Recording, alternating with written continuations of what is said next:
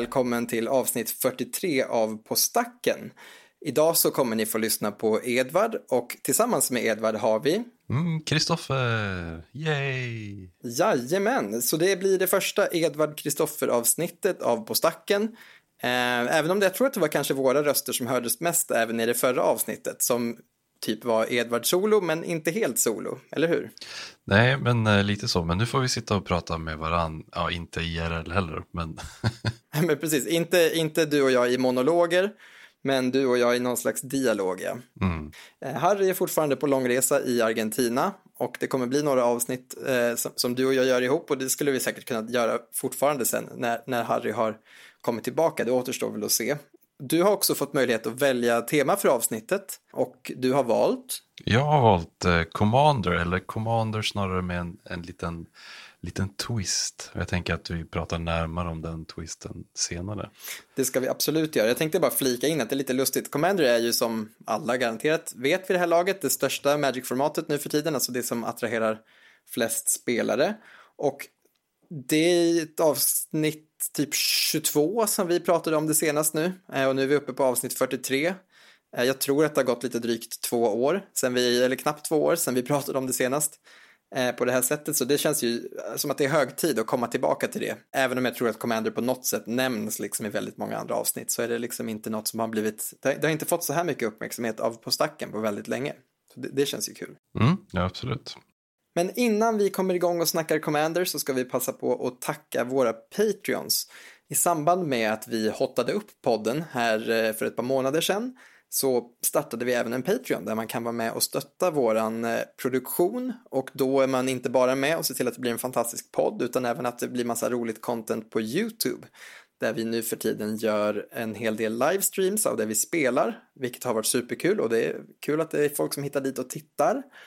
Ehm, och genom eh, våran Patreon, alltså patreon.com slash pastackan, eh, så kan du vara med och, eh, och bidra till det här och bli en del av vårt community. Där vi är med liksom och fiskar in lite innehåll till avsnitten också. Jag hoppas att fler vill haka på där. Du har suttit hemma och filat på din nya Commander-lek hela veckan.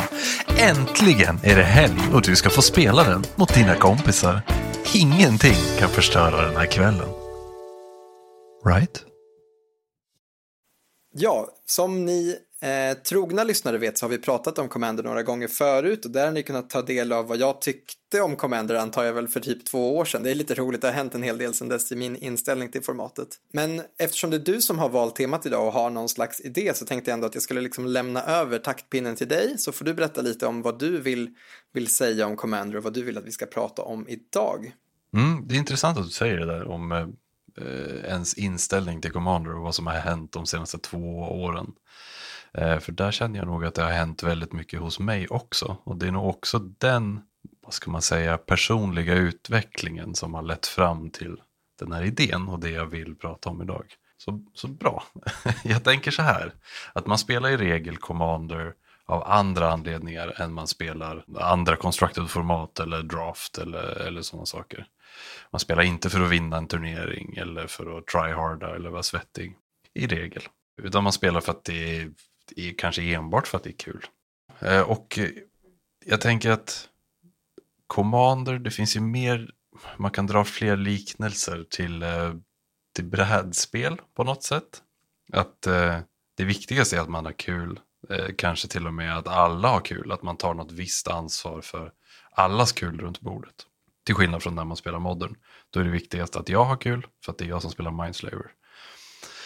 Och, eh, och ibland så kanske man till och med inför husregler för att ja, men, så här, det skrivna regelverket, eh, ja, men det, det, det vibar inte riktigt med hur man själv tycker att det är kul att spela Commander. Eh, det begränsar på något sätt tycker man. Man kanske tycker, ja men om, än en gång parallellt till brädspel. Till exempel så kan man ändra hur man tar sig ur fängelset i Monopol eller sådär. Men Ja, och det här, de här liksom förändringarna eller husreglerna, det är ju sånt som vi gör i ganska stor utsträckning i Commander också. Till exempel så spelar man inte Armageddon. Man eh, slår kanske inte på den som har missat sitt tredje landropp i rad och man kanske fetchar på sin egen tur för att spara tid. Och man spelar inte en lek som är mycket starkare än sina motståndares lekar. Det är saker som man skulle göra om man ville vinna mer, om man ville öka sin vinstprocent. Då skulle man spela Armageddon, inte i alla lekar kanske, men här, man skulle spela det i större utsträckning än man gör. Om man skulle spela så starka lekar som möjligt. Ja, just det, just det. Om man hörde typ att det var som, som en GP typ i, eh, i Danmark. Så hörde man att fan alla i Danmark kör jättesuboptimala modernlekar för att de har kommit överens om det för att det är kul. Å andra sidan, jag skulle nog vara en sån som, som hakade på antar jag. Men det skulle ju också vara väldigt många som inte gjorde det. Utan bara åkte dit liksom med Teamer eh, Cascade. Och stampade, stampade sönder allas Skeleton Tribal. Skeleton Tribal, åh, oh, guld. Ja men det är som sagt, det, alltså det vi ska prata om nu är ju inte saker som gör dig till en bättre commanderspelare på det sättet.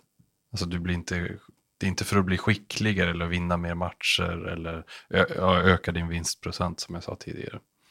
Utan för någonting annat. Och jag är glad att du Edvard har sökt den här kursen i hur man spelar Commander. Just det, hur man blir en bättre Commander-spelare. Ja, på ett sätt. Ja, men på det sättet som är viktigt. Absolut. Det, där tycker jag att du slog huvudet på spiken. Det är absolut det som är det viktiga här. Och ja, du vet ju redan hur man spelar Commander. Ja, det hoppas jag verkligen. Ja, eh, och jag vill hävda att det finns många olika, olika nivåer av att kunna spela Commander. Eller inte kanske kunna spela Commander, men att vara bra på att spela Commander. Ja, men precis. Nej, men jag, jag, jag såg ju i eh, kursbeskrivningen va? Att vi, vi betygsätter Commander-spelare. Mm, för det är, det är viktigt. Det är viktigt att göra det. Det är viktigt att dela in folk i kategorier. Eh, och avgöra hur duktiga de är på saker. Även när det är ett casual-format. Eh, lite foreshadowing här är att det är absolut inte det det handlar om. Kanske snarare motsatsen. Men den här kursen, den kommer inte få dig att vinna fler Commander Games. Utan den kommer snarare få dig att tänka på vad du kan göra för att göra Commander roligare för dig. Men också för andra. Ja, men det är precis därför jag har sökt. Jag, jag tycker ju eh, precis som du då att Commander i första hand är till för att ha en lite mer avslappnad och rolig Magic-upplevelse. Och sen försöker jag liksom få, få ta ut mina mer frustrerade och eh, jag försöker, jag lider mer av hur dålig jag är på Magic när jag spelar andra format om vi säger så. Mm. Medan i, i Commander har jag fullt upp med att eh, försöka ha så roligt som möjligt på ett annat sätt. Mm, det är en sund inställning. Jag tänker att vi ska blåsa igenom det lägsta godkända betyget här, eller kriterierna för det, som är E. Och där står det så här i, eh, vad heter det, kursplanen, betygs... Nåväl. Eh, e. Eleven visar grundläggande kunskaper om Magics regelverk och använder och beskriver begrepp och samband mellan begrepp med tillfredsställande säkerhet. Eleven följer regelverket utan att göra några större spelförändrande regelbrott. Och där handlar det egentligen om att kunna spela lagom bra Magic. Det här är, det står ingenting om hur man ska bete sig eller vilka kort man kanske bör spela eller att ha ett rule zero snack eller whatever. Du är godkänd om du kan spela någorlunda bra Magic. Ja, men du är inte, du är en, upp, inte uppnått den eh, fulländade Commander-spelaren. Du är inte den fulländade Commander-spelaren som du kan bli än. Nej, och, och på något sätt, och det som är min poäng här, för att jag vill inte sitta på någon hög, eh, hög häst här och säga att jag är bättre än andra, utan det jag är ute efter här är att folk förtjänar att ha kul. Och, det, det, finns många olika sätt man kan uppnå det på. Och det som du sa tidigare, det är det som är poängen med, med Commander. Och det finns saker man kan göra och anstränga sig för att göra för att det ska bli roligare. Att ha kul är inte samma sak som att inte bry sig. Nej, verkligen inte. Utan man kan, man kan bry sig jättemycket och vara en super tryhard och svettig om man kan rikta den energin i, i rätt, rätt sak i Commander. Eh, så att det blir så kul som möjligt. alltså man kan anstränga sig för att alla ska ha kul. Precis, och det är lite roligt för i Commander har man fler verktyg för att göra det roligt för alla än vad man har i, i till exempel ett modern turneringssammanhang. Alltså för att göra en modern turnering så rolig som möjligt, alltså just, ja, det är förstås individuellt vad som är roligt, men generellt då så kanske man kan liksom se till att det är i en bra lokal eller att folk är trevliga mot varandra oavsett hur det gick i matchen. Man kan hjälpa varandra att bygga lekarna mer optimalt och sådana saker kan man ju göra. Men, men det är ändå ganska begränsat liksom i, i själva spelandet, vad, alltså förutom det, de här typen av saker som jag nämnde nu. Medan i Commander finns det ju mycket mer utrymme för att Commander är så socialt i naturen, för att det har de här husreglerna och för att man på något sätt ändå har kommit överens om att det handlar inte om att bygga den bästa leken. Vad handlar det om då? Och där uppstår ju en jätteintressant diskussion då, om man vill.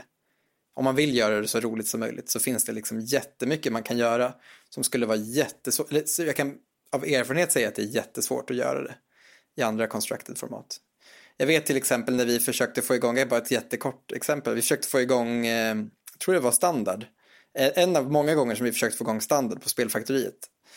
Eh, så försökte vi liksom övertala de mer erfarna spelarna att bygga dåliga lekar så att det skulle vara liksom mer roligt för, för nya spelare att dyka upp. För att det var liksom jobbigt om de erfarna spelarna både var bättre på Magic och spelade de bästa lekarna.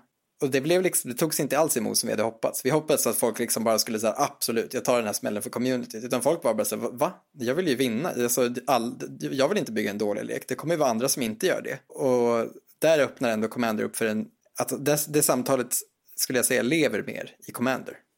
Om du hänger med. Och det är jättehäftigt. Det, det är en jätteintressant eh, exempel, get out of my head, för att jag håller på att göra exakt samma sak i Örebro. Att försöka dra igång standard och att så här, jag som, jag ska inte säga att jag är den bästa spelaren, men jag är definitivt den som spelar kanske mest på våra event eftersom det är jag som håller i dem. Så där tänkte jag, eh, så här, ja, men jag spelar en tier 3-lek, alltså lite som jag gör i Modern med Utron också. Det är av andra anledningar, för att det är ett svin, svinkul. Men att, så här, att välja, välja bort en tier 1-lek för att ja, men det ska, så här, det, är inte, det är inte kul om de, de som spelar mest också är de som alltid vinner. Ja, eh, då har vi D och här står det ingenting. För att få ett D så ska du uppnå betygskriterierna för E och delar av C. Så vi hoppar över till C. Och där står det eleven påvisar en djupare förståelse för Magics regelverk och kan med stöd diskutera sig fram till lösningar på problem som uppstår under spel. Eleven tar ansvar för sin egna upplevelse under spel och vidtar åtgärder i såväl lekbygge som i spelbeslut för att bidra till sin egna upplevelse av spelet. Och här ser vi en, en liten uppskruvning att så här, ja, men man behöver kunna Magic lite bättre men det är inte jättenoga. Man kan, ja, det löser sig om det är något krångligt som eh, uppstår. Men man tar ansvar för sin egna upplevelse i eh, både lekbygge och underspelet. Och vad kan det innebära? Att ta ansvar för sitt egna kul? Oj, ja, det är en jättebra fråga. Um, men jag tänker att, för, i alla fall för mig, och det här är så himla individuellt, men, men ändå intressant. För mig så handlar det jättemycket om att när man spelar Magic, att inte liksom vara rädd för att prata med sina medspelare om vad, det, vad, vad man kan liksom bli bättre på och hur man kan göra det roligare till nästa gång. För det tänker jag så här, det är en sak är att tänka på det helt själv. Att tänka, hmm, vad hände i den där matchen och varför blev det som det blev? Utan att faktiskt öppna liksom samtalet i samband med att man spelar. Bara, tycker ni att mina lekar är för bra?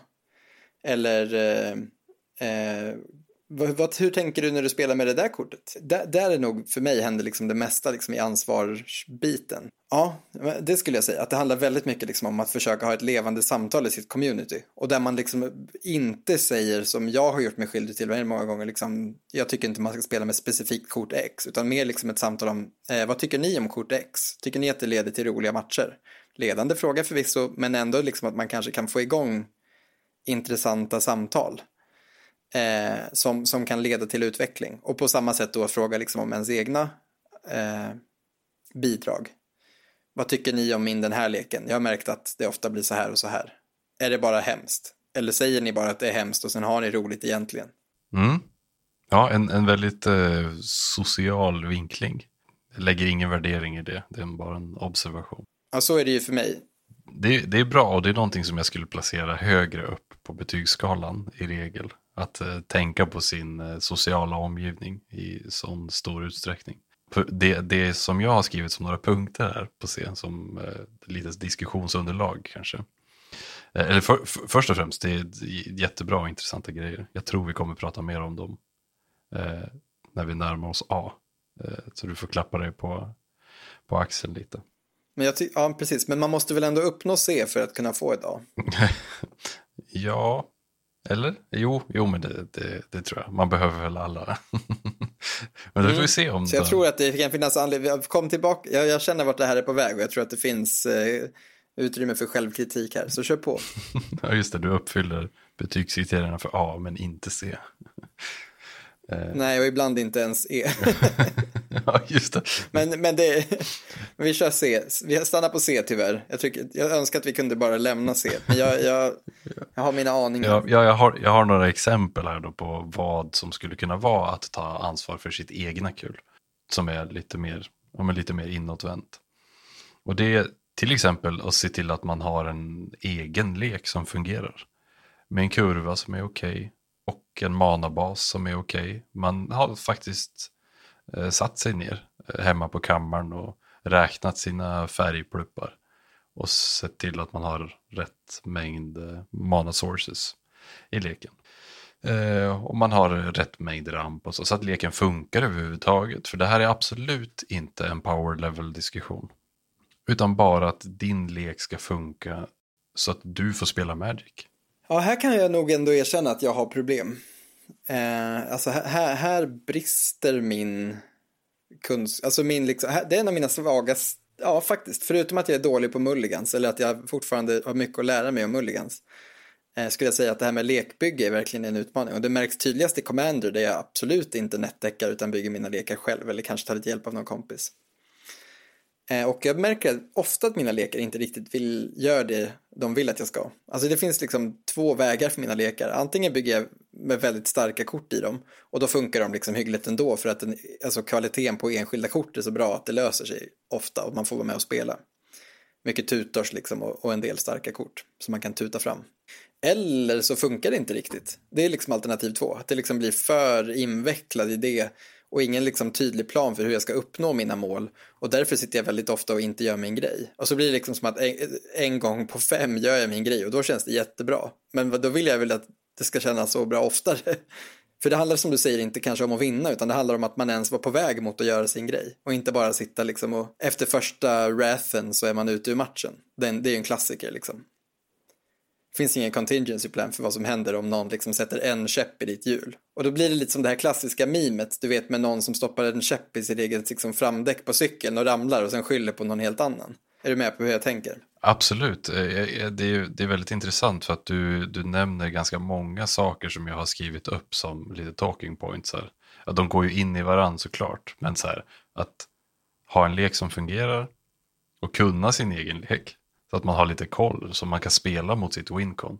Än en gång, inte för, nödvändigtvis för att vinna, men för att så här, men det ska, det, ska, det ska rulla på och man får göra sin grej som man har tänkt att leken ska göra. För det är ju kul, det är kul att exekuta en plan.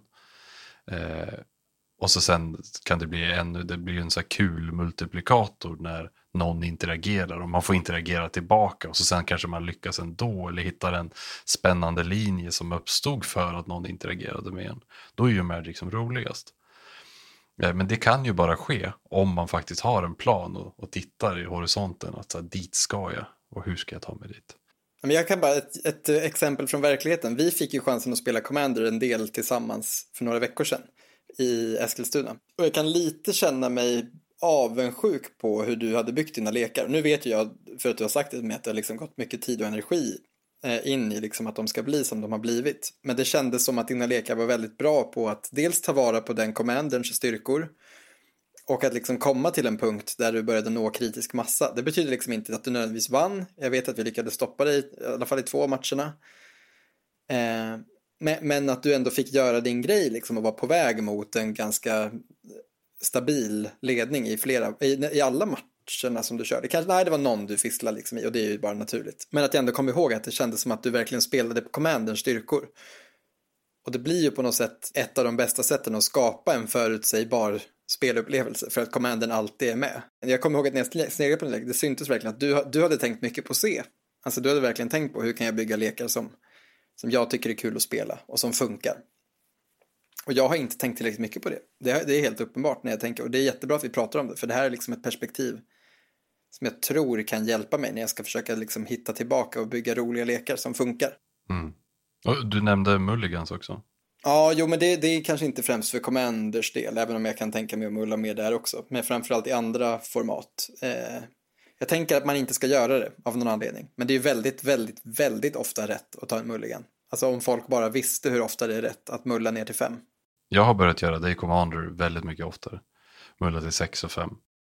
Och jag, jag tror att det är rätt. Eh, men också så här, än en gång, att ta ansvar för mitt egna kul. Jag kan keepa en, en sketchy, sketchy sjua. Och så får inte jag spela Magic i en och en halv timme. Det är fruktansvärt. Varför gjorde jag det mot mig själv? Jag förtjänar bättre. Jag förtjänar att i alla fall försöka ha kul. Men du gjorde det för att du är så hårt drillad i att det är card disadvantage att gå ner och att det i sig skulle vara dåligt liksom. Eh, och, och att vi människor har olika sätt att tänka på risk, alltså man förstår risk. Eh, alltså det är väldigt, väldigt komplexa riskkalkyler att förstå varför det är rätt att gå ner till fem, till en bra, alltså leta efter en bra femma eller till och med fyra istället för att hålla en dålig sjua. För det säger ja, det är klart att du kan ha jätteotur och få en ännu sämre. Men om du ska dra liksom fem händer så är det ganska stor chans att en av dem är bra, även om du behöver ta bort några kort. Och då gäller det att veta vad din lek vill göra. Det är det, då kommer vi tillbaka till det här. Alltså, då måste du verkligen känna din lek. Kan min lek göra sin grej med de här korten? Eller vad är det jag måste dra och hur stor chans är det att jag drar det? Ja, men är det, måste du dra ett land till på tre runder? Det är väl en liksom, odds man ändå kan hålla på. Men måste du liksom dra någonting som kan lägga någonting i graven när du bara har åtta sätt att göra det på, då är det ju mulligan, troligtvis. Men det, det är en intressant, uh, intressant tanke med att dra ett land på tre runder. Om vi tänker modern, om det är en sån hand, om jag drar ett land där då har jag en chans att gå av och eventuellt vinna gamet. Risken där är att man förlorar ett game. Och sen spelar man igen. Om risken i Commander är inte bara att du inte får eh, liksom exekuta din plan, utan att du inte får spela Magic. Det är en jättemycket större förlust. Att man ska sitta ett helt Commander-game och inte få spela. Och det är också någonting man behöver väga in i den här riskkalkylen, tänker jag. För att än en gång, min poäng med det här är ju att folk förtjänar att ha kul. Och så här, respektera din egna tid.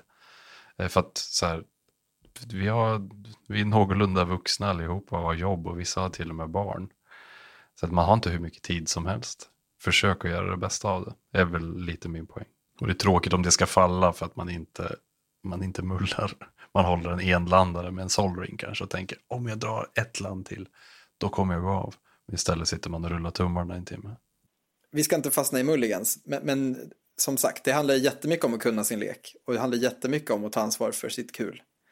Så det är en viktig del av C-nivå också. Jag skulle säga liksom att jag har, jag har mycket att hämta in på C-nivå faktiskt. Och det tycker jag är väldigt intressant att tänka på. För jag har nog inte tänkt så mycket på det tidigare. Jag har bara tänkt att jag behöver bygga om mina lekar och sen har det stannat där. Jag har liksom inte ens fattat varför och på vilket sätt. Och ska de bli sämre? Ska de bli bättre? Det är bara det jag tänker på.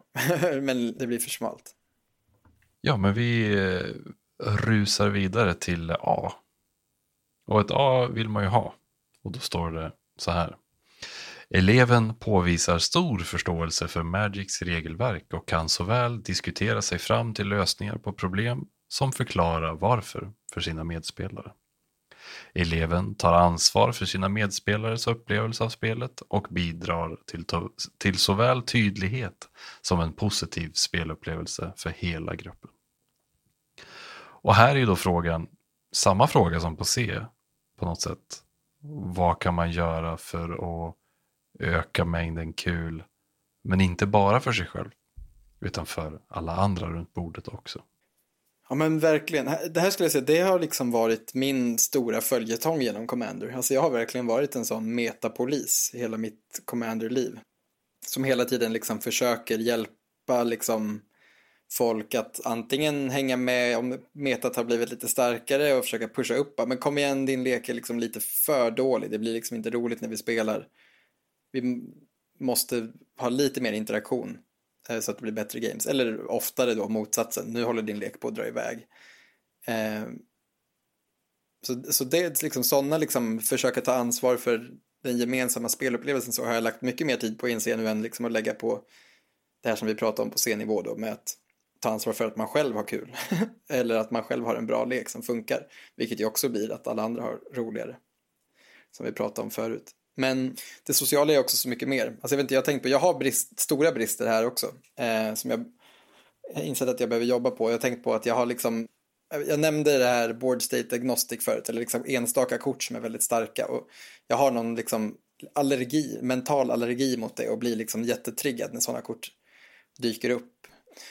Och, och, kan liksom lätt gå in i en rant och börja liksom shamea folk för att de spelar ett sånt kort. Och jag vet inte, det är liksom inte, jag vet inte, jag inser ju själv när jag pratar om det att det är jättelarvigt och det är inte kul, det blir liksom inte roligt. Och om man verkligen vill ha en sån diskussion så kan man ju spara det till efter matchen och när man liksom inte är i affekt längre Eh, och där behöver jag verkligen jobba på mig själv. För jag tycker att när matchen väl är igång så är det liksom inte riktigt läge att pr prata allt för mycket om power level. Nu är det de lekarna ni spelar med. Det är inte som att någon ska liksom droppa från matchen för att de råkade välja en för dålig eller en för bra lek. Utan man gör det bästa av situationen och även där försöka ta ansvar för att det ska bli kul. Och sen kan man väl säga liksom efteråt att så här, ah, den här power leveln kändes väl kanske inte helt jämn. Ska vi byta lekar?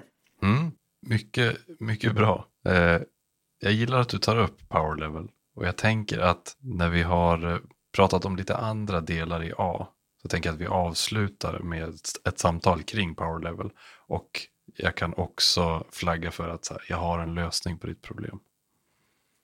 Eh, men, eh, men vi kommer dit. Så jag tar upp några små talking points här som vi kan få samtala kring. Eh, och någonting som vi var inne på, det här med att respektera andras tid. Man kan till exempel fetcha på sin tur. Eller sin, sin egna tur istället för på den tredje motståndarens endstep. Typ. Och samma sak, alltså oavsett när man letar i leken, att man vet vad man ska leta efter om man spelar en tutor. Eller så att man, så att man inte sitter i liksom minuter och så, ja men ska jag ha den, ska jag ha den. Det är, så här, det är klart att det är okej okay att fundera i Magic. Men om man kan fundera och än en gång, alltså som på C-nivån, ha lite koll på sin lek och ha en plan framåt det är också att respektera andras tid eh, och någonting som är positivt för, för andra. Det, här, det är ganska osjälviskt att ha koll och spela mot sin egna plan. Eh, och det är också någonting som inte är jättelätt. Det är ja-nivå här. Jag tänker inte folta någon för att eh, inte, inte göra det här. Jag kommer inte sitta och sucka och stånka och stöna om någon tar lite tid på sig och nu spela en tutor. Nej, precis. Nej, nej, för där måste man ju också ha respekt för att komplexitet är individuellt. I ett läge där du tänker det är det här som behövs så kanske någon annan liksom måste, faktiskt måste bläddra igenom sin lek och se kortet. Och det kanske är den spelarens viktigaste beslut under hela matchen. Då måste det få ta lite tid. Ja, absolut. Eh, en annan punkt här som jag har skrivit är att, att ha wincons i leken. ja. Det, det här är någonting som jag definitivt har gjort mig skyldig till. Och någonting, jag spelade en, eh, en, kub, en kubdraft och en kubmatch på, på Cockatrice med en kompis precis innan vi började spela in. Och gjorde den här missen i draft. Jag byggde en sån uh, Rube, Gold, uh, vad heter det? Rube Goldberg-maskin som bara snurrar och gör massa coola grejer men som inte åstadkommer någonting jag hade en Displacer kitten och den här Coveted Jewel. Jag höll på att blinka den. Jag drog kort, jag fick en massa mana och så sen tittade jag på mitt bräde och så jag, vad har jag kombinerat sex eller sju power i hela leken? ja. Eh, och nu har jag tre kort kvar. Inget stormkort, ingenting. Nej, visst. Så här, leken fungerade hur bra som helst. Aldrig haft en limited lek med så bra mana. Aldrig haft så bra kontringar. Liksom all, allting fungerade hur bra som helst, men jag kunde inte vinna. Och det här har jag definitivt gjort i Commander också. Jag hade en eh, Boros artefakt eh, Oskir, heter han va? En sån lek som var en precon som jag sen uppgraderade och, så, och den snurrade så otroligt bra. Den producerade så mycket mana och den, eh, den gjorde verkligen sin grej. Men den vann liksom inte. Så jag bara satt och snurrade och snurrade och det tog eh, en massa tid. Det är kul kanske när man sitter och guldfiskar själv hemma på kammaren men det det är inte så kul för folk att titta när jag gör grejer i en kvart. Nej, det där är ju en balansgång liksom. Det är ju, och åt det där hållet är ju verkligen inte kul. Eller, det har sin plats ska jag väl säga. Alltså det kan liksom finnas metan och spelgrupper där det är helt okej okay att liksom dörla bort tiden och eh, sen slutar det med att man slår ihjäl varandra med liksom hate bears, sakta men säkert. Men, men det bygger ju inte roliga matcher liksom i generellt. Eh, jag vet att jag, jag hade ju en, en av mina liksom mest eh, famed lekar var en Dimir eh, Leviathan-lek. Eh, och den leken slutade väldigt ofta med att, man satt, att jag satt och loopade Kedrekt Leviathan om och om igen för att hantera liksom ett bräde. För jag kunde inte avsluta matcherna eftersom min liksom gameplan var att slå folk med, med ganska klankig 8 8 och 9 9 och det kunde folk hantera genom att till exempel blocka. Um, så, och det var ju mitt wincon liksom. Jag hade inget kombo, jag kunde inte milla ut folk utan det var det. Uh, och så ville jag egentligen ha det. Problemet var bara att leken blev liksom bättre och bättre. Jag började uppgradera aldrig winconet.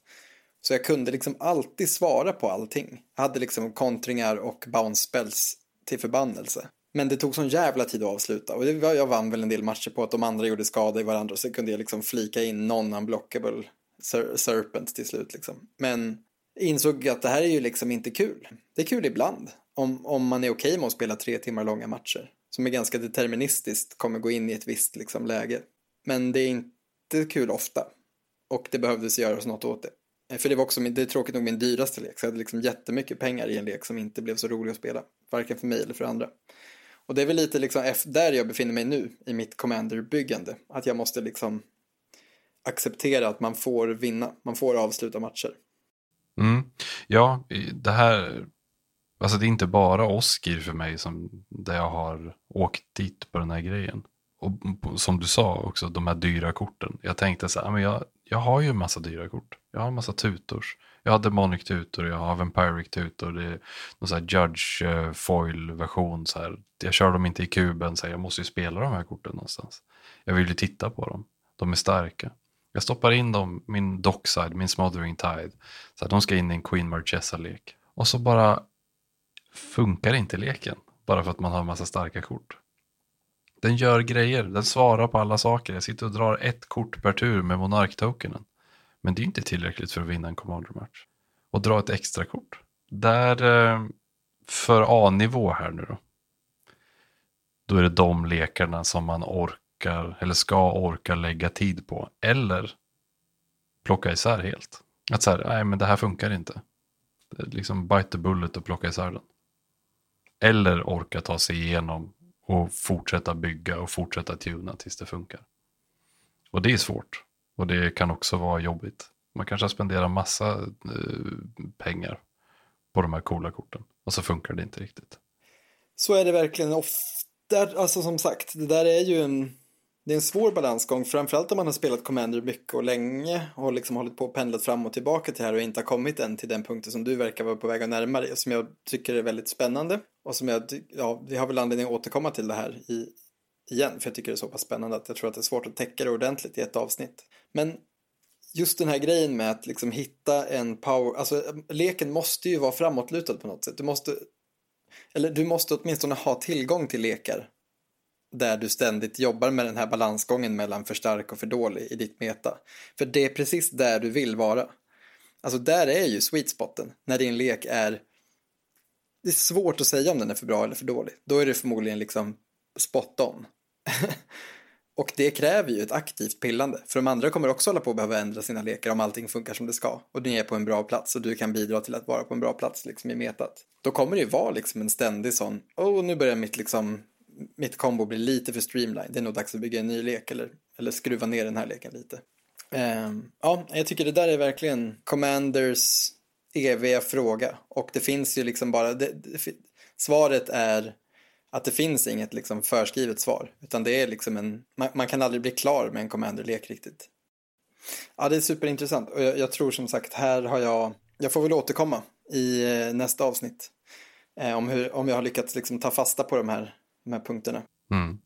Ja, det är bra. Självrannsakan är väl lite the name of the game här för att nå eh, A-nivå i den här kursen. Eh, en annan grej jag har skrivit här, det är ren egentligen magic housekeeping. Att så här, gör det lätt för dem du möter att förstå ditt board state. ha kanske till och med rätt tokens. Säg namnet på spellen du spelar och vad du targetar och annonsa dina triggers. Så att det blir lätt att förstå. Alltså Magic är, det, alltså det är många nybörjare som börjar i Commander. Och Commander är ju på ett sätt också Magics absolut mest komplicerade format. Det är det definitivt. Bara att det är lite mer förlåtande för att du har medspelare som kan hjälpa dig. Precis. Eh, så ja, där kan man hjälpa till. Alltså även eh, inbitna spelare så att man vet att man vet vad det är som händer. Vem är det som har prioritet? Vad är det som targetas? Eh, och sen har jag skrivit en, kanske en, den viktigaste punkten här. Att man ska ha förståelse för att alla inte har kommit lika långt som du har i förståelse för regler och commanders dos and don'ts. Att man inte sätter sig på den här höga hästen jag pratade om tidigare. Det, jag tror att det är lätt att hamna där. Att ja, men jag är upplyst. Jag vet hur man ska spela commander. Jag vet att det här kortet får man inte spela och jag vet att det här är okej. Okay. Och så ser man ner på andra som inte har fattat det. Nej, men verkligen. Det, det tror jag är jätteviktigt. Alltså att inte, ja, att vara ödmjuk liksom. Och eh, jag, jag, tror att det finns ett extra vikt, den poängen blir extra viktig liksom om du spelar mycket med folk, alltså om du spelar i ett stort community. Där, liksom, där du spelar mot olika och kanske till och med nya människor ofta. Så det är ännu viktigare att tänka på det. Att det liksom, folk går in med väldigt olika inställning. Då har vi kommit fram till kort och gott och den här gången har vi fått ett kort av vår Patreon Linda. Eh, och kortet som Linda valde att vi skulle prata om är Umesawas Jitte. Och ja, där finns det en hel del att säga. Verkligen. Vi börjar med det absolut viktigaste. Är Jitte med i din kub? Eh, Jitte är faktiskt inte med i min kub. Men det är väl gränspuck, tänker jag. Det är ett... Jag har ju försökt att ta ner powerleveln lite, lite, lite på min kub. Men nu har jag uppat den och börjat skruva upp lite, lite grann igen. Och då är det möjligt att den får vara med. Det är ju verkligen ett av de starkaste korten i Magic någonsin. Ja, verkligen. Ja, men kortet vi har framför oss kostar två eh, generic mana. Det är en av de första equipmentsen. Eh, och då får man säga, här var ju inte, inte Mirrodin kom i de första equipmentsen och i Kamigawa så fortsatte det om jag inte minns fel då. Men en av de första, de hade inte riktigt fått till liksom power leveln i hur bra equipments kan vara, så vissa var ju liksom jätte, jättedåliga, typ ospelbara, och andra var helt eh, busted. Eh, bland dem Skull Clamp är väl ett berömt och sen då Umsavas Jitte. Umsavas Jitte har en triggered ability, för den kostar två equippa, förlåt, så den kostar två att spela ut, två equippa. Den har en triggered ability och sen har den tre activated abilities. Och det är ju delvis den här triggered abilityn som gör det här så himla dumt. För den säger varje gång den här eh, creaturen gör combat damage så får du lägga två charge counters på gitten. Och sen kan du ta bort en charge counter för att göra en av de här tre abilitiesarna. Som då är att ge creaturen plus 2 plus 2, ge en annan creature, den equippade creaturen plus 2 plus 2, ge en annan creature minus 1 minus 1 eller att eh, du gainar två liv. Så ja, vad det här betyder i praktiken, dels är det då, du behöver inte ge skada till liksom en annan spelare eller något sånt som det ofta är för att du ska få ut göttet liksom ur en sån här grej, utan det räcker bara att du gör skada. Och därefter, så fort den här creaturen har gjort skada, så ligger alltså charge counterna på gitten. Så även om gubben på något sätt strök med i den här ekvationen, så ligger gitten kvar och gör saker nästa gång du equippar den på en annan gubbe. Och den behöver inte ens vara equippad på en gubbe för att göra saker. Precis, det är det som är så sinnessjukt på något sätt. Alltså så här, varje gång man läser gitten så blir den starkare. Man tänker, ah, okej, okay, det är när den connectar en spelare. Som, som alla andra svärd och grejer. Men nej, det är när som helst. Ja, ah, den behöver vara equippad. Nej, den behöver inte vara equippad. Eller ja, bara för att ge plus två plus två till equipped creature. Svårbegripligt liksom hur bra, alltså man, första gången man får smaka på gitten, antingen genom att man kontrollerar den och den gör sin grej, eller att man möter den och den gör sin grej, så är det ju liksom en, en eh, det känns liksom som att man aldrig riktigt respekterar den tillräckligt mycket. Nej, och så här, equippa gitten på en creature med first strike. Och då börjar det bli riktigt, riktigt jobbigt. Varsågod, försök att blocka på något sätt. Det går inte. Nej, precis. Och, och varför är det Jo, det är för att då kommer counterserna lägga på gitten liksom innan vanlig kombatskada delas ut. Och då kan du till exempel rädda din gubbe eller döda motståndarens gubbe. Ja, det börjar bli riktigt brötigt. Möjligen att den är lite liksom svag typ i control matchups då om man ska prata om jittens svagheter. Alltså den kommer liksom inte kanske riktigt, alltså svag som i att det inte då den är som allra bäst liksom. För den är kanske som allra bäst om i en liksom opposing aggro matchup. Ja, när Creature Combat spelar roll då är Jitten det bästa kortet i Magic. Ja, eller när du behöver gaina liv, liksom. eller när du behöver hantera mana dorks och alla sådana lägen. Men just mot liksom någon ganska renodlad kontrolllek som kan sitta liksom och ploppa bort gubbarna som du lägger jitten på och som kanske inte bryr sig så jättemycket om du gainar liv eller ger minus minus. Då, då är den kanske inte som bäst, får man väl säga. I alla andra tillfällen så är det ju ett saftigt kort som, ja, vart är det bannat nu egentligen? Eh, det var bannat i standard när det var standardlegalt och det, det kan man ju förstå. Det finns liksom en liten skröna till och med om Jitte vet jag att eh, den var i ett av preconsen i Kamigawa som bara därför blev liksom jättedyrt och såldes för mycket dyrare än de andra preconsen i butiker. Eh, den, den är bara bannad i modern. Den är då legal i Legacy och Commander.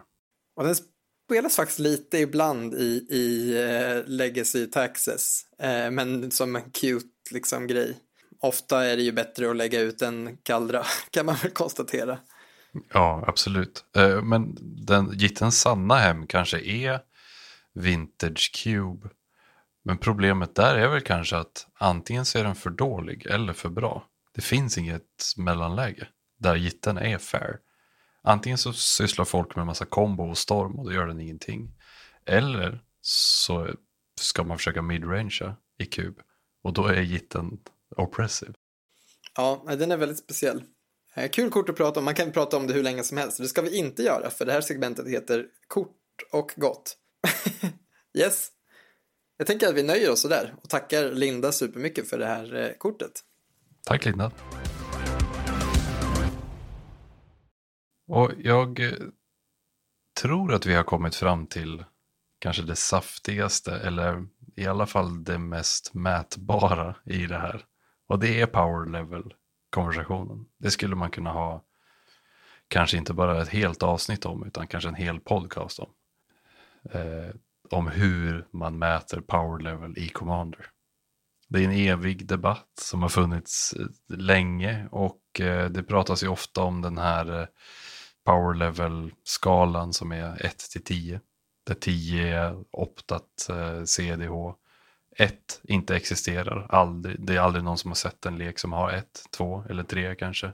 En riktigt dålig lek kanske är en 4. Och som du märker så är jag kanske lite skeptisk till den här skalan.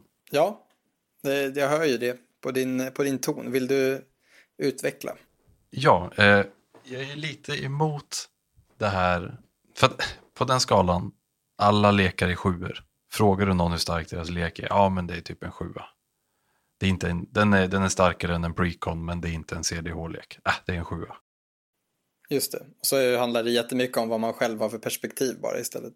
Ja, precis. Så det jag har gjort, jag har skrivit och utvecklat en Commander Power Level kalkylator.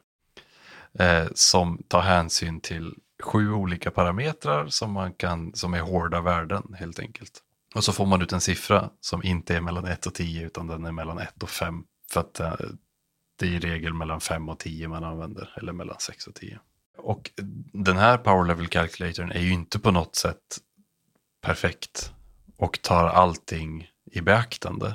Men om man använder den, eh, inte ens den, utan en Power Level Calculator, man måste ju verkligen inte använda min, i sin spelgrupp, då kollar i alla fall alla mot samma parametrar. Och då har man, alltså så här, i, i värsta fall, ett diskussionsunderlag. Och i bästa fall så, så, är det en bra calculator som faktiskt ger en rättvis bild över hur stark en lek är. Och då behöver man inte fundera på om den leken är för stark.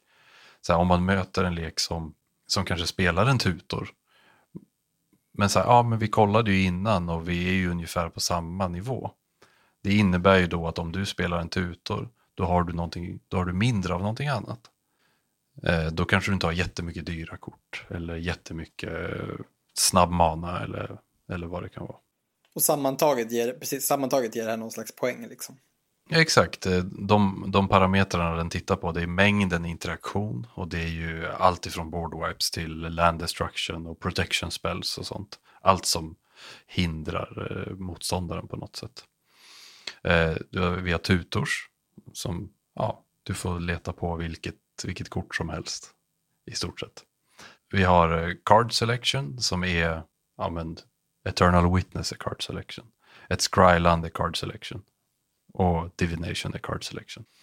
Vi har snabb mana som är kort som genererar mer mana än du stoppar in i dem samma tur som du spelar dem. Så en ritual eller en solring eller, eller så. Eh, och vi har ramp som är ja, lite samma sak som snabbmana men det genererar mer mana vid ett senare tillfälle. Eller mindre mana än du stoppar in i det. Ja, en, en talisman eller en rampant growth. Eh, sen har vi antal kort som kostar 10 euro eller mer. Så här, det är inte, det är inte per, en perfekt eh, parameter för att mäta power level.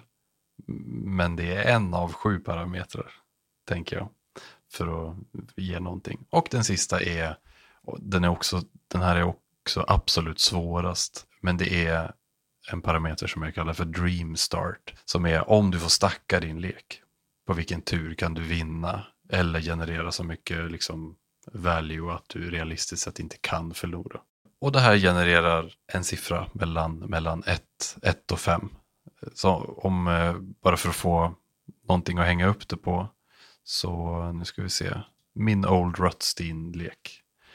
Eh, den är Golgari Graveyard Tokens eh, grejer. Den har ja, inte jättemycket interaktion.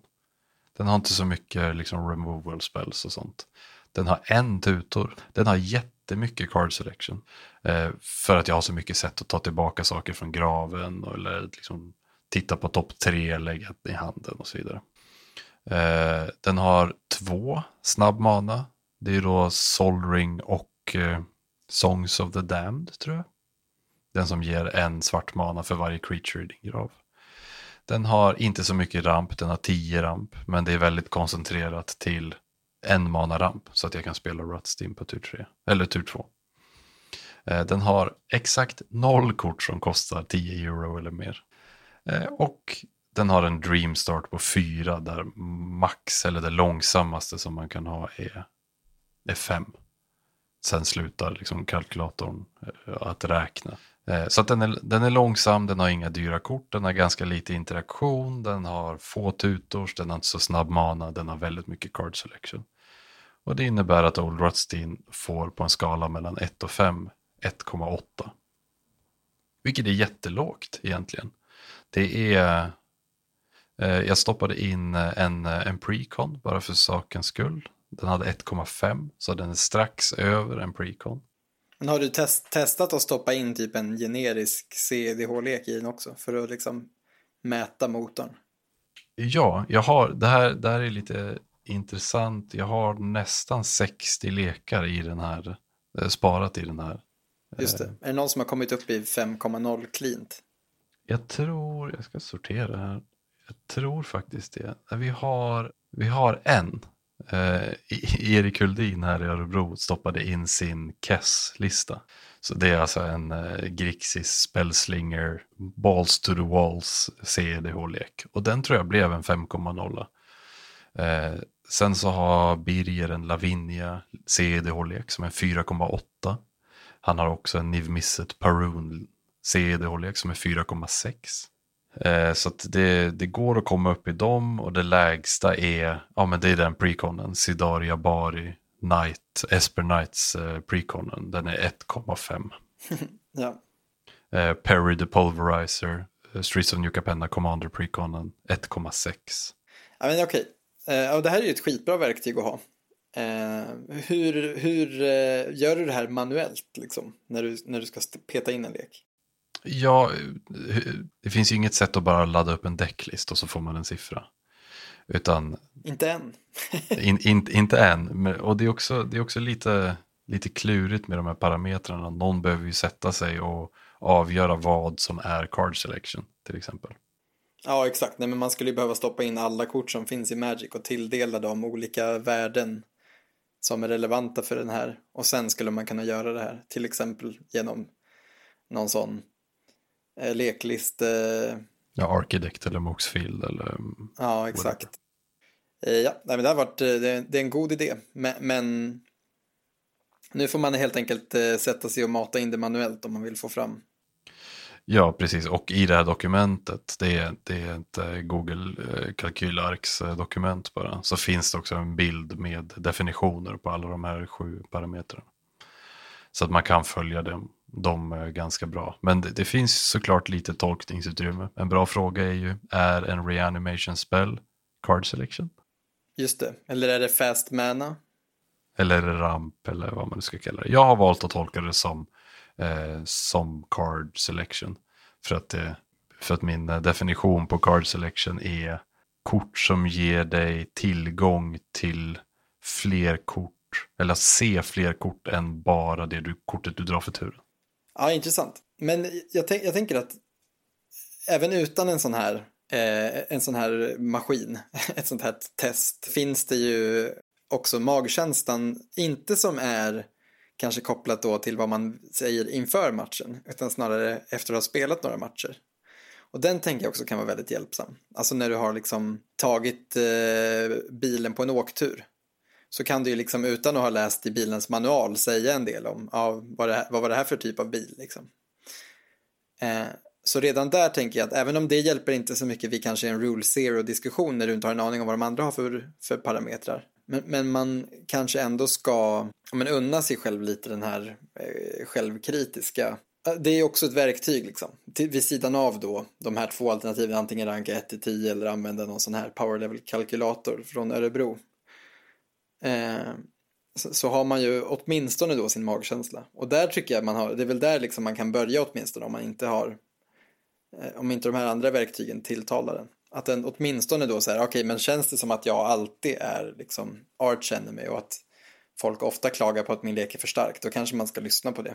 Eh, för det, det, är en väldigt tydlig sån. Komma ihåg att Commander ändå är liksom ett socialt spel på ett sätt som annan Magic kanske inte är i lika hög utsträckning. Och att, eh, att, att, att ta till sig av gnäll, alltså det måste finnas balans i det också. Allt gnäll är inte befogat. Du kanske spelar, spelar din dåliga lek väldigt bra och, och lyckas ändå. Liksom. Absolut, och eh, jag vill verkligen inte påstå att en sån här kalkylator är the be all end all, utan snarare att det ska vara ett avstamp i någonting som man kan samtala kring. Att, eh, om jag ska vara helt ärlig så skapade jag den här kalkylatorn som en reaktion på att folk vill inte ha Road Zero-snack.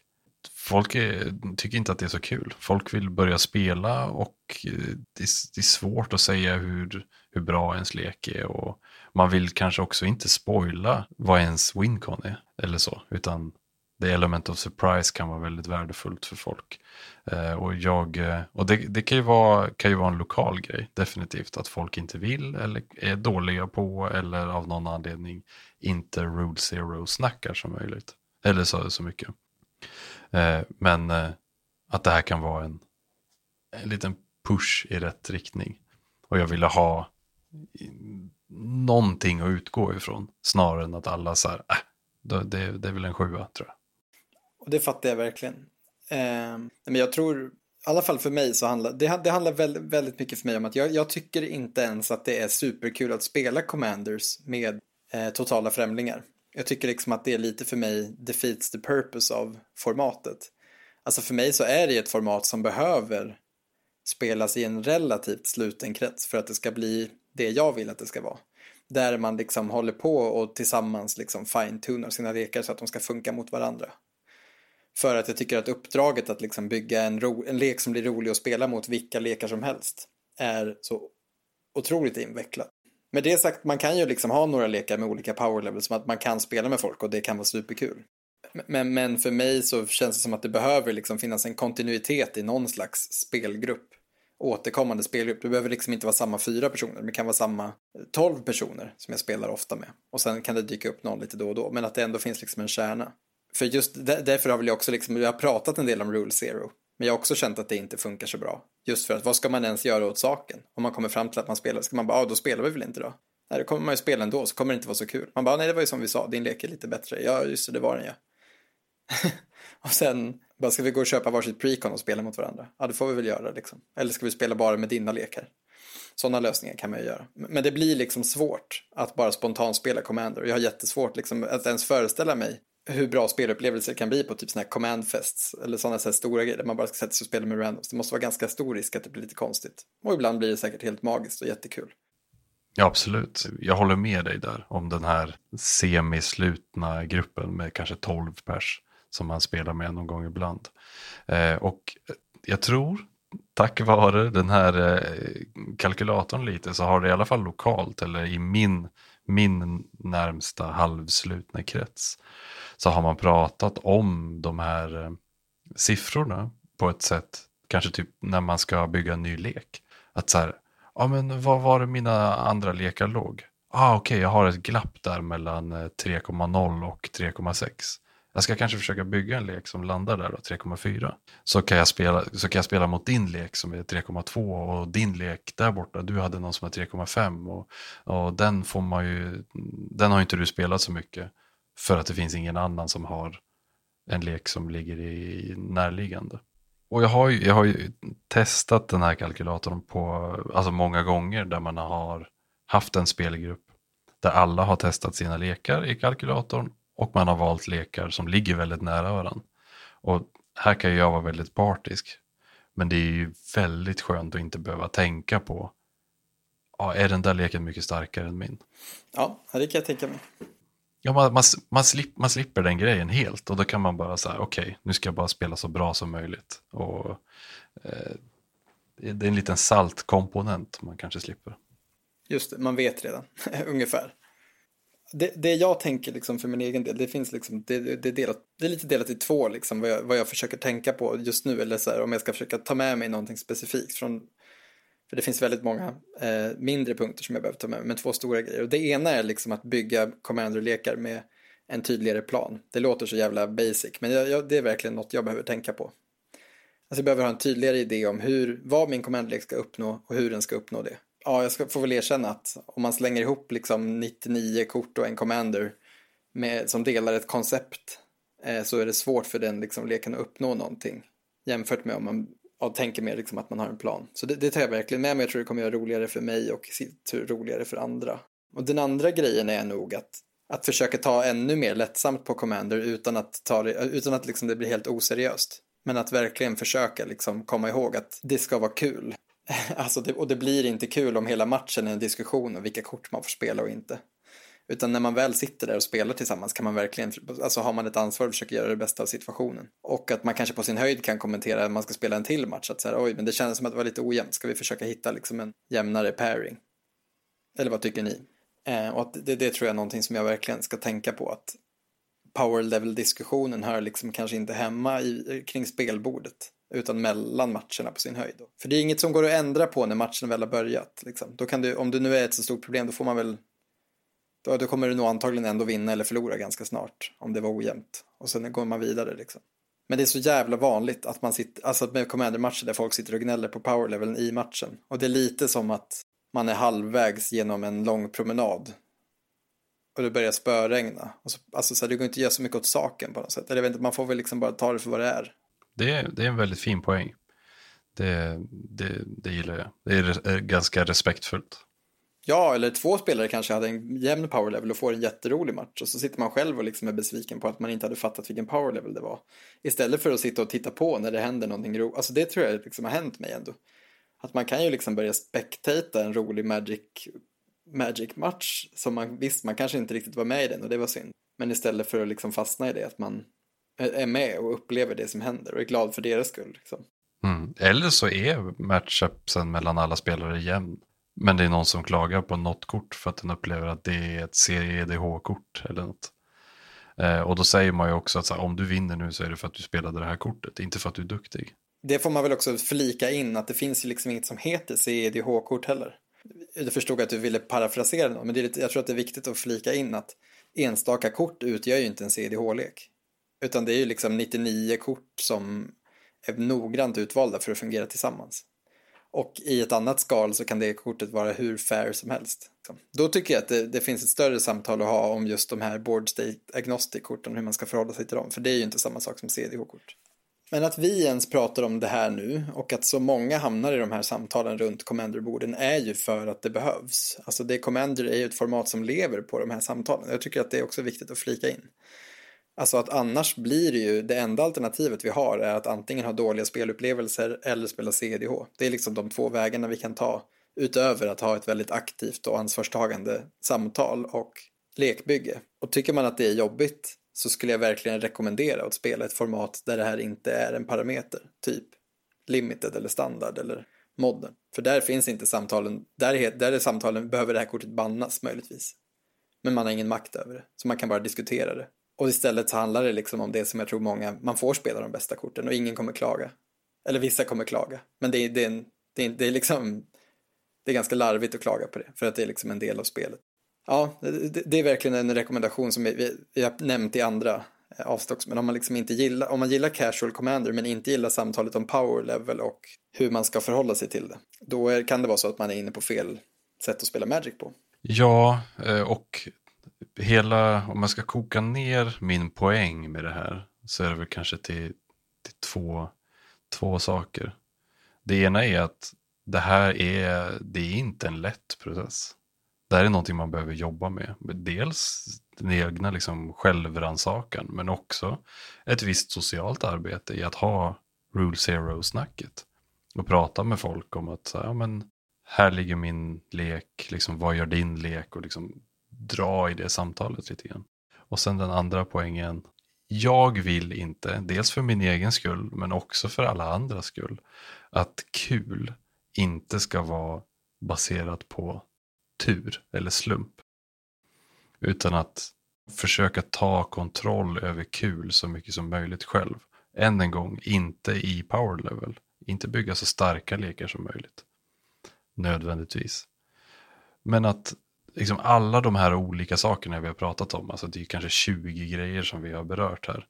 Men att, att jobba med dem och göra dem till dina egna så att du slipper basera ditt kul på ett tärningsslag någonstans under matchen. Om man drog rätt kort eller om man drog rätt del av leken eller eh, att man inte blev interagerad med eller vad det nu kan vara. Det där är väldigt viktigt att du poängterar och jag tror att nu för tiden kan du liksom, trots att det är ett 100, ton, eller 100 kort singelton-format så kan du bygga väldigt konsekventa lekar för det finns så otroligt många kort som gör ungefär samma sak. Att du kan ju liksom i princip spela playset av kort i din commanderlek. Så då om du har liksom ett kort som du alltid letar efter, kolla ifall det finns något annat kort som kan uppfylla det syftet. Om du vill få en mer konsekvent, för det tror jag, jag tror att det du säger är väldigt sant. Att, att försöka liksom dra ner lite på turen, tur kommer ju alltid vara en grej. Men att inte låta det liksom styra allt för mycket hur kul man har när man sitter och spelar Magic på kvällarna. Och på köpet kanske du kan bli en jävel på att bygga Magic-lekar som ofta blir tillfrågade av dina kompisar. Vad ska jag göra med den här leken? Hur ska jag tänka? Vad behöver jag ändra på? Och det är en rolig roll att ha i sina kompisars liv, att hjälpa dem att ha ännu mer kul. Mm, ja, det sjuka här är ju att man blir ju bättre på saker man gör. Om man, framförallt om man utmanar sig själv. ja, jag har spelat modern väldigt länge nu och känner kanske att jag inte blir bättre. Men eh, det är en annan, det är en annan fråga. För tredje gången i det här avsnittet säger vi, det skulle man kunna göra ett helt avsnitt om. Men, men ja, jag tycker det är också en häftig sak med den här diskussionen för att det här handlar liksom om att bli en bättre spelare men inte nödvändigtvis för att vinna mer utan för att ha mer kul. Och, och det känner jag är väldigt, det är egentligen ganska små grejer man behöver göra för att det ska bli väldigt stor skillnad. Att dels liksom bygga lite bättre lekar, alltså lekar som fungerar bättre. Men också liksom fundera på vad är, det in, vad är det som gör att det blir mindre kul när jag spelar och hur kan jag angripa det? Mm. Jag har märkt nu när vi har pratat om det här och jag har skämtsamt skrivit ihop den här kursplanen och betygskriterierna. När jag har pratat om power level calculatorn och, och när allting handlar om att så här, ja, men jag ska ha lite avslappnat kul med mina kompisar i ett format som inte är competitive. Att jag på ett personligt plan inte kan släppa den svettiga try hard-sidan av mig själv. Men här i Commander så har jag lyckats omvandla den energin till någonting som inte är oskönt eller destruktivt för de som jag spelar med. Utan jag try hardare i så här, ja, men hur kan jag göra det kul för alla andra? Vad är respektfullt? Hur kan jag göra så att jag inte slösar andras tid? Hur kan jag hjälpa andra att ha en Rule Zero-konversation? Eh, snarare än att så här, oh, jag ska göra min kombo, jag ska vinna över alla hela tiden jämt. För en del av mig tycker ju också att det är kul om jag skulle kunna mindslaver låsa tre spelare samtidigt. Herregud vad nice. Men Ja, det är superintressant och eh, ja, jag, ser jättemycket fram emot att göra fler avsnitt om, om Commander. Så vi kan ja, men djupdyka ner liksom i ännu mer specifika saker. För jag tror att det också är det som behövs. Jag känner liksom att alla de här ämnena vi har touchat vid nu i den här kursintroduktionen, eller vad vi ska kalla det, är ju saker som man behöver liksom behandla mer specifikt för att det ska bli mer givande. Alltså nu har vi säkert förhoppningsvis gett den som har lyssnat då något spår som man kan börja dra i för liksom nästa utvecklingssteg. För det tror jag också är viktigt att skicka med. Man behöver liksom inte jobba på allt på en gång. Man kan ju bestämma sig för att nu ska jag göra en av mina lekar lite bättre. Eller liksom anpassa en av mina lekar. Då, då kommer det, man lär sig massor på det. Eller tänka nästa gång jag spelar så ska jag hantera den här situationen bättre och så vidare. Men just att det skulle vara kul och det kommer bli kul att fortsätta prata om de här sakerna. Och jag tror verkligen du är något på spåren, både med de här sammanfattningen för hur du tycker man blir en bättre Commander-spelare, men också, ja men det, det känns som att du, du har många bra tankar här. Tack får jag väl ändå säga. Mm. Ja, men tack, tack själv, tack för att du har gett mig en, en möjlighet att utvecklas här. Och eh, med det börjar vi väl bli klara med avsnittet, eller? Men det tycker jag absolut. Alltså det här är ju sånt samtalsämne så man känner sig verkligen inte färdig utan det känns ju som att vi liksom har skrapat på ytan och nu vill man riva fram upp nästa blad liksom och bara okej okay, men vad ska jag ändra i den här leken eller vad fan som helst men vi, man måste ju liksom dra ett streck någonstans och det får väl vara här då. Mm. Men då börjar vi med att tacka dig så jättemycket för att du har varit med i ett avsnitt igen. Det var ju ett tag sedan nu. Eh, förutom livepoddarna som vi gjorde förut tillsammans så, så var ju du också med i ett avsnitt som handlade om hur det är att driva en Magic-förening. Ja, just det. Mm. Får man jättegärna gå tillbaka och lyssna på om man vill. Eh, men med det sagt eh, så tycker jag det känns jättebra. Eh, och det ska bli kul att spela in fler avsnitt med dig innan Harry kommer tillbaka. Och säkerligen efteråt också. Stort tack till dig som har lyssnat. Vi tycker att det är askul att göra det här och det är ju kul till stor del för att folk väljer att ta del av det. Vi finns på Instagram, Facebook och framförallt faktiskt på YouTube där vi gör massa roligt content och där man också får se ganska mycket mer av Kristoffer. Det är ju mest Kristoffer och Robert som, som eh, gör våra streams, även om jag och Harry hakar på ibland. Och eh, ja, med det sagt så hoppas vi att du kommer tillbaka och lyssnar på nästa avsnitt. Vi vill också tacka Nick Staffas som har gjort våra fina omslagsbilder och klippt in våra ansikten på Magic-kort. Vi ska tacka Ember Artworks för vår fina textlogo. Vi vill tacka Marcus Östlund för den fina slutingen som ni får höra snart. Och så ska vi också passa på att tacka Kristoffer, inte för sin medverkan i avsnittet utan för att han har producerat avsnittet så att det låter så här fint. Vi hörs till nästa avsnitt. Hej då!